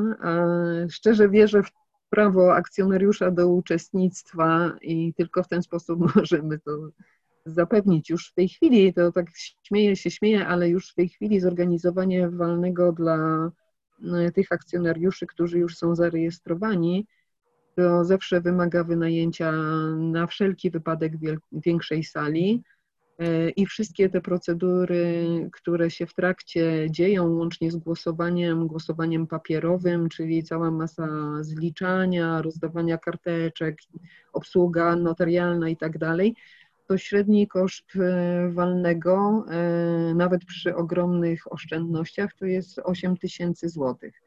To się tak mówi, ale jak mieliśmy cztery walne na przestrzeni ostatnich sześciu miesięcy, to, to ja wolałabym uniknąć tego wydatku i to wszystko zrobić cyfrowo.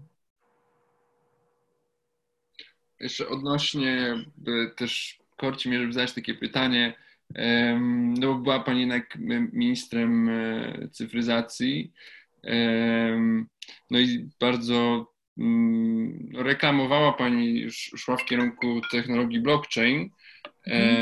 Teraz w kontekście tych wyborów nadchodzących prezydenckich, tutaj nie chcę w ogóle schodzić na tematy polityczne, ale ciekawi mnie, jakie jest Pani zdanie na głosowanie takie korespondencyjne za pomocą e, tej technologii blockchainowej i czy na przykład byłoby możliwe wprowadzenie takiego w ciągu miesiąca takiego systemu głosowania? Nie jest to niemożliwe, prawda? Całkowicie. Jest absolutnie niemożliwe, technologia blockchain to nadal tylko technologia. Ona wymaga e, testów, wymaga wygrzania w konkretnych okolicznościach. My e, proponowaliśmy wielokrotnie, żeby zrobić e, różne jeżeli Państwo pozwolicie, to sobie zapalę lampkę, też chyba będę może lepiej widoczna, e, żeby zrobić na różnych poziomach e, tej naszej demokracji próby głosowania, e, zaczynając na przykład od budżetów partycypacyjnych, dzielnicowych, czy miejskich, czy sołeckich, gdzie tych głosujących jest po pierwsze stosunkowo niewiele osób w jednym czasie, po drugie, gdzie te mm, wszystkie czynności, które trzeba wykonać, dotyczą no, stosunkowo niewielkie, niewielkiej, niewielkiego znaczenia tematu. Bo powiedzmy, że jak przy budżecie partycypacyjnym coś zostanie źle policzone, to skutek nie będzie tak opłakany jak przy e, wtopie technologicznej przy wyborach krajowych, parlamentarnych.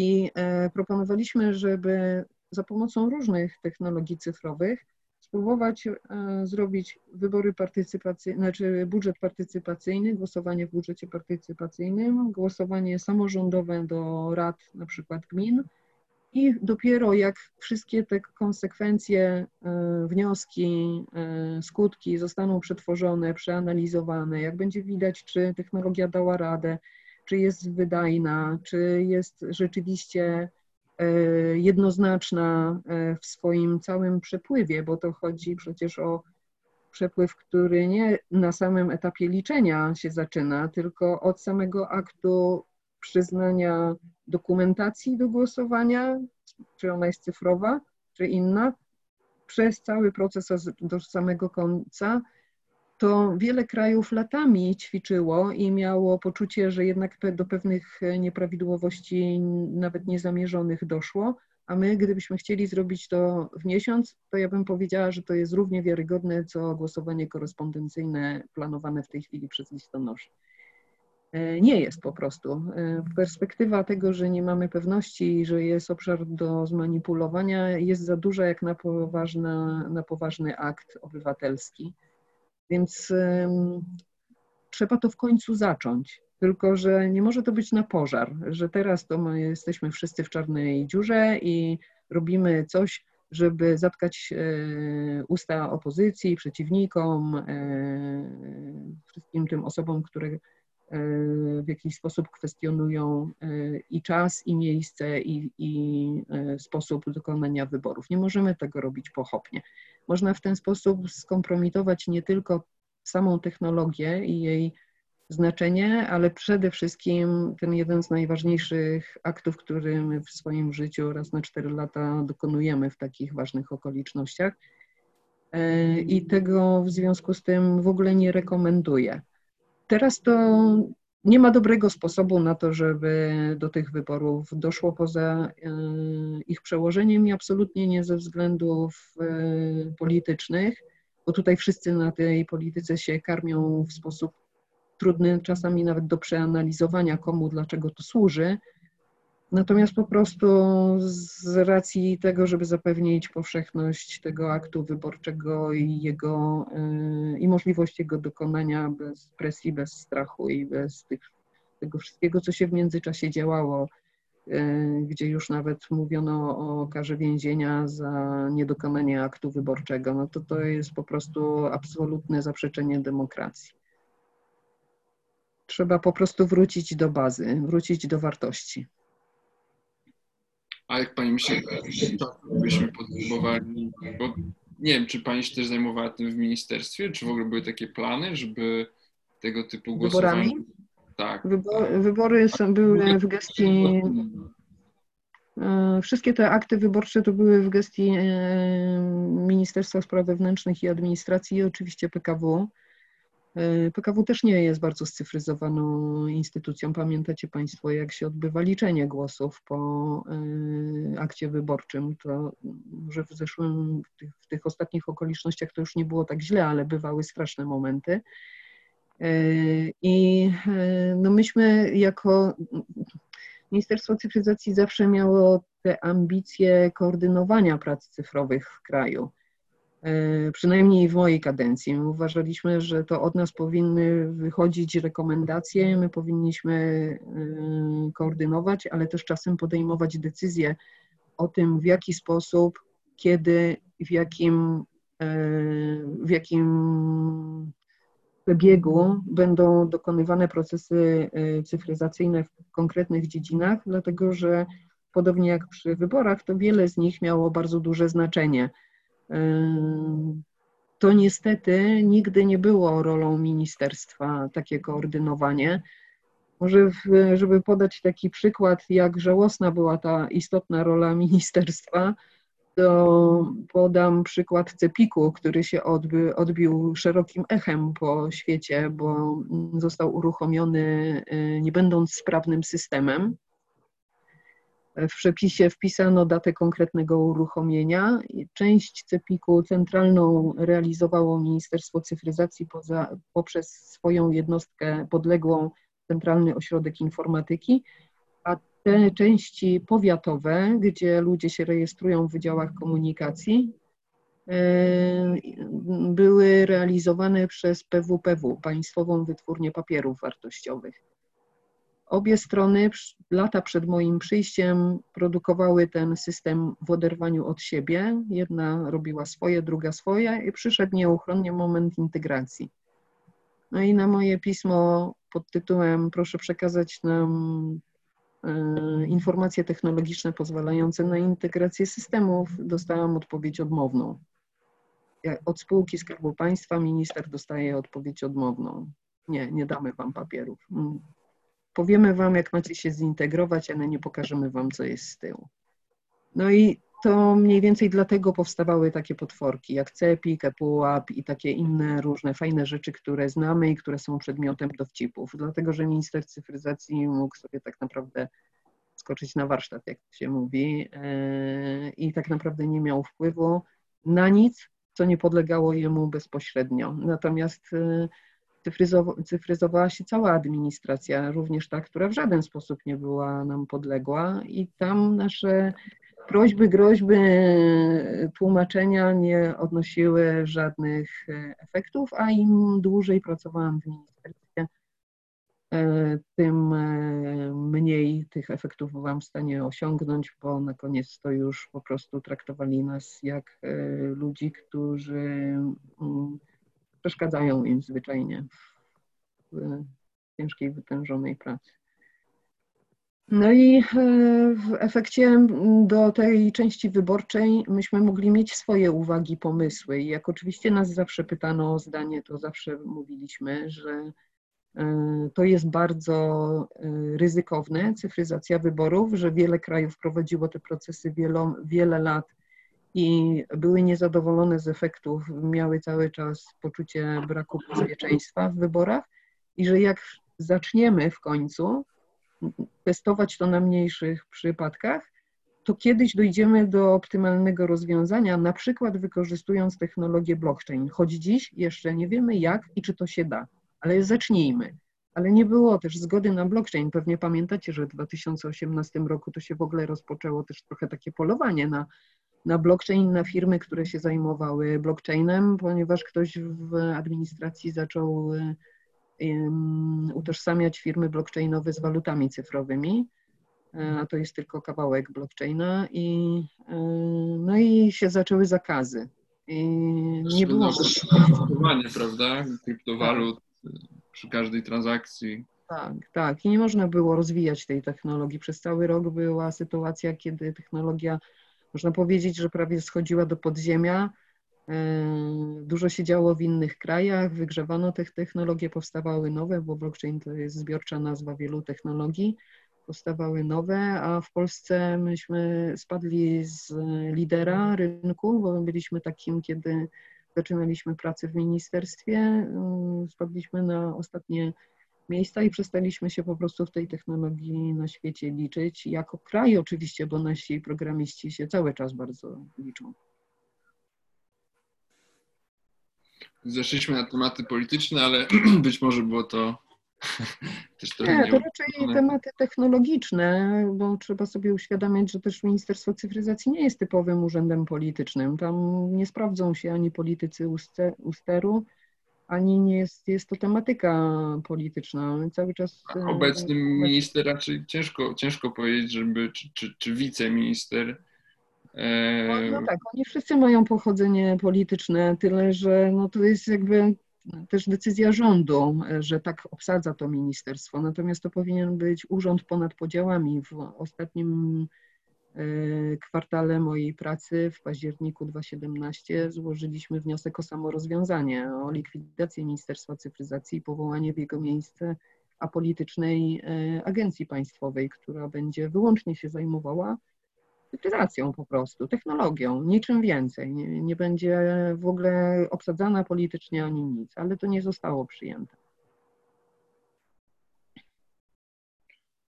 Ja zachęcam też tutaj Państwa do zadawania pytań, bo jak widać dyskusja jest toczona na różne tematy, a wydaje mi się, że nie często ma się okazję zadać pytanie mm, osobie z tak dużym doświadczeniem biznesowym i, też politycznym, także zachęcamy. Już minęło półtorej godziny webinaru i minęło bardzo szybko. Eee, także myślę, że powoli możemy kończyć, jeżeli nie mają Państwo więcej pytań, bo, bo już, się, już się ściemnia, także na pewno jeszcze jakiś spacer przed z psem, bo inaczej nie można. Przed godziną policyjną. Tak, przed godziną policyjną. No może jeszcze powiem, e, co bym radziła wszystkim tym osobom, które e, rozważają los startupowca i w ogóle podjęcie własnego biznesu, co się w moim życiu bardzo sprawdziło. Sprawdziła się po prostu komunikacja z ludźmi. Jak ja wychodziłam na rynek, to zobaczyłam, że świat, w którym tkwiłam i który wydawał mi się zrozumiały, niby wiedziałam, gdzie która instytucja czym się zajmuje, z punktu widzenia normalnego człowieka, który chce prowadzić biznes, jest kompletnie nieczytelny. Nawet jeżeli instytucja jest nakierowana na wsparcie startupów, innowacji czy w ogóle biznesu, to zanim się dogrzebiemy do konkretnych informacji, jest cała masa tych przemówień wszystkich ważnych świętych. I gdzie jest baza, gdzie są informacje? Ja chodziłam i mówiłam, gdzie się dowiem, w jaki sposób mam tę swoją działalność prowadzić, gdzie są jakieś instrumenty wsparcia, kto mi może pomóc myśleć biznesowo o moim biznesie, gdzie szukać ekspertów. Nie mogłam tego znaleźć. Zaczęłam chodzić na różne spotkania startupowe i pomógł mi inny startupowiec. Pomogła mi firma Migam.pl, która obsługuje, ma taki system do obsługi osób niesłyszących, który jest powszechnie już teraz spotykany w urzędach i w innych miejscach. Jej szef dał mi swoją bazę e, informacji, na których stronach internetowych można znaleźć coś wartościowego. Po prostu podzielił się ze mną. E, ja teraz bardzo często, chociażby dzisiaj jestem z Państwem właśnie dlatego, żeby się dzielić zdobytą wiedzą, doświadczeniem, bo wiem, że jak się zaczyna, to po prostu kompletnie się nie wie, gdzie e, taką e, informację, wiedzę można znaleźć, w jaki sposób wspierać się merytorycznie, jak finansować swoją działalność. No stałam jak sierota i wiem, że współpraca z ludźmi, pomaganie ludziom, ale też rozmawianie z nimi na różne tematy, czytanie, przeglądanie sieci, to jest ten sposób na prowadzenie biznesu, bo wszystko jest w sieci, a ludzie się chętnie dzielą. Ale druga ważna rzecz to cały czas myśleć kategoriami finansowymi, nie marzeniami, tylko podejmować decyzje na bazie tego, e, gdzie są pieniądze, z czego będą w przyszłości pieniądze i podstawowe pytanie, czy jestem gotów zastawić swój dom kredytem hipotecznym, jeżeli przyjdzie taka potrzeba, e, bo wtedy to naprawdę jestem startupowcem, czyli to ryzyko biorę na siebie, a nie próbuję go spuścić na instytucje czy na właśnie akcjonariuszy. My zaczęliśmy od tego, że włożyliśmy absolutnie wszystko, co mieliśmy. I ryzykujemy co najmniej na tym samym poziomie, na którym nasi akcjonariusze, chociaż śmiem przypuszczać, że żaden z moich akcjonariuszy nie włożył w moją firmę wszystkiego, co posiadał. A ja to zrobiłam, dlatego E, wydaje mi się, że każdy z nas powinien od tego jako startup zacząć, żeby czuć jakby poziom odpowiedzialności na własnej skórze, a nie na cudzej. Też swoją drogą Migam, jedna z pierwszych e, spółek, która przeprowadziła emisję crowdfundingową w Polsce, prawda? To tak. podejrzewam, że stąd też ten pomysł troszeczkę. Nie, z Migam się poznaliśmy w ministerstwie, bo e, ja ich po prostu wzięłam do siebie e, wtedy jako dostawcę właśnie serwisu dla osób niesłyszących, które byli, były naszymi klientami. W ten sposób się poznaliśmy.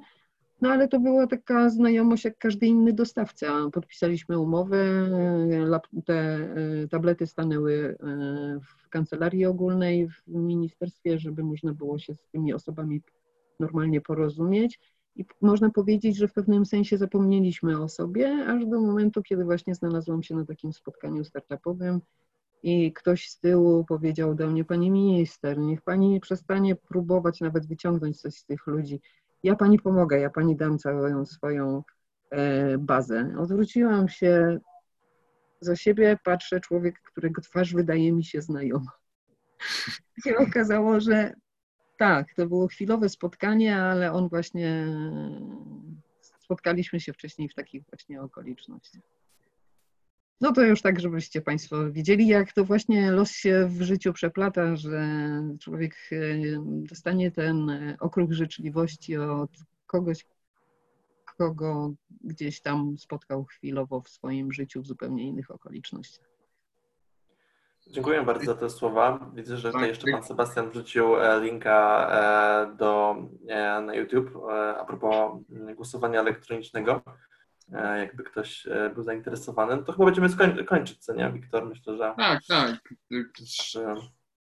Ja serdecznie dziękuję. Dziękujemy. Dziękuję nie bardzo. Traktować to jako deklarację, żeby się do Pani zgłosić w przypadku rozwoju jakiegoś startupu? Tak, bardzo dużo firm. Ja jestem takim hubem. Bardzo dużo firm do mnie przychodzi pokazać e, albo co chcą wprowadzić na rynek, albo poradzić się właśnie, gdzie znaleźć finansowanie, czy z kim rozmawiać, w jaki sposób wyjść na obce rynki. Ja dysponuję wyłącznie własnym doświadczeniem i wiedzą taką, powiedzmy, skondensowaną z tego, co słyszę też od innych ludzi ale spotykam się w miarę możliwości z każdym, kto tego potrzebuje. Mój adres mailowy jest na naszym landing page'u, ale też można pisać normalnie na e, adres, który jest na naszej stronie internetowej. Tam jest adres info małpa mcsquareinnovations.com. Więc proszę pisać, to wszystko i tak trafia do mojej skrzynki pocztowej. Ja obsługuję te wszystkie skrzynki ogólne. Jak ktoś będzie potrzebował pomocy, też jestem na Facebooku, na LinkedInie. Zapraszam. Dziękujemy i też e, życzymy powodzenia w, w emisji. Dziękuję bardzo. Z sukcesem i, i zdrowia przede wszystkim też. E, I wzajemnie Państwu wszystkim. Wszystkim Bezpieczeństwa i, i wesołych świąt. Tak. Tutaj też Pan Sebastian wesołych świąt. My również życzymy wesołych świąt. Wesołych